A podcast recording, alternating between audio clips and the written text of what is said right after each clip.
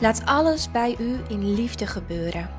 Het is een korte zin uit 1 Corinthians 16, vers 14. Ik moest aan deze zin denken. Een tijdje geleden brachten wij een vrouw weer terug naar het AZC. Ze had een kop koffie bij ons gedronken en een van mijn kinderen haar haar geknipt. We praten samen een tijdje. In ons huis had ze pretlichtjes in haar ogen, maar op de terugweg naar het AZC werd ze stil.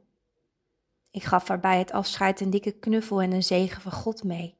En toen verdween ze in het grote gebouw, een gebouw dat haar thuis niet is, waar geen familie op haar wacht. Haar stilte raakte mij en ik voelde me eenzaam om haar eenzaamheid te zien. Ik voelde de onmacht, omdat ik haar niet kon geven wat ze nodig had. Ik wilde haar alles geven en toch kon ik het niet. En zo, broers en zussen, heb ik mijn beperking, heb ik mijn eigen leven en heb ik, ja, ik heb zoveel andere dingen. De twee moeilijkste dingen om op orde te krijgen zijn je leven en de liefde. Wat een gedoe om echt te leven en om een ander lief te hebben.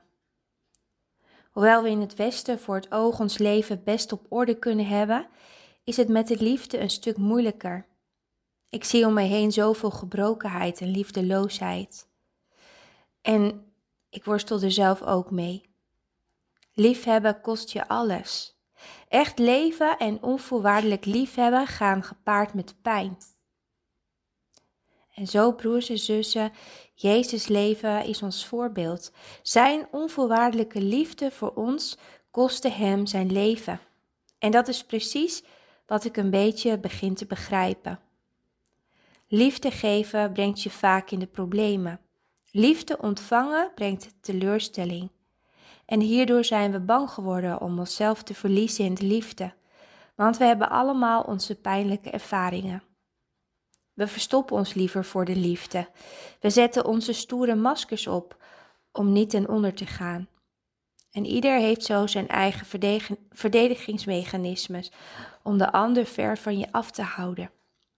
We kunnen ons verschuilen achter een laag make-up, achter onze macht, intelligentie, achter onze goed betaalde banen of drukke agenda's.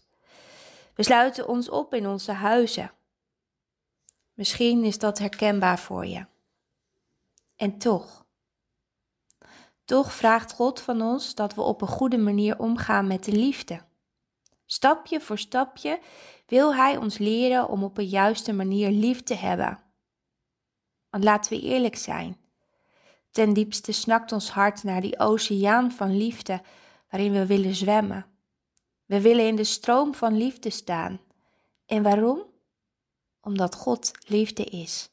Hij heeft ons geschapen om net zo lief te hebben als de Vader, de Zoon en de Heilige Geest elkaar lief hebben. En als je over die liefde nadenkt, dan raak je de kern van de echte liefde.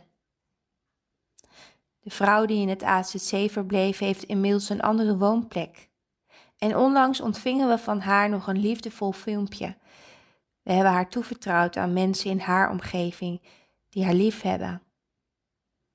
Broers, zussen, laten we blijven stoeien met liefde. En bedenk dat we hier op aarde nog niet de volmaakt lief kunnen hebben. Maar straks in de eeuwigheid is het volmaakt en goed. Ik zie er naar uit. Maar tot die tijd stoei met de liefde.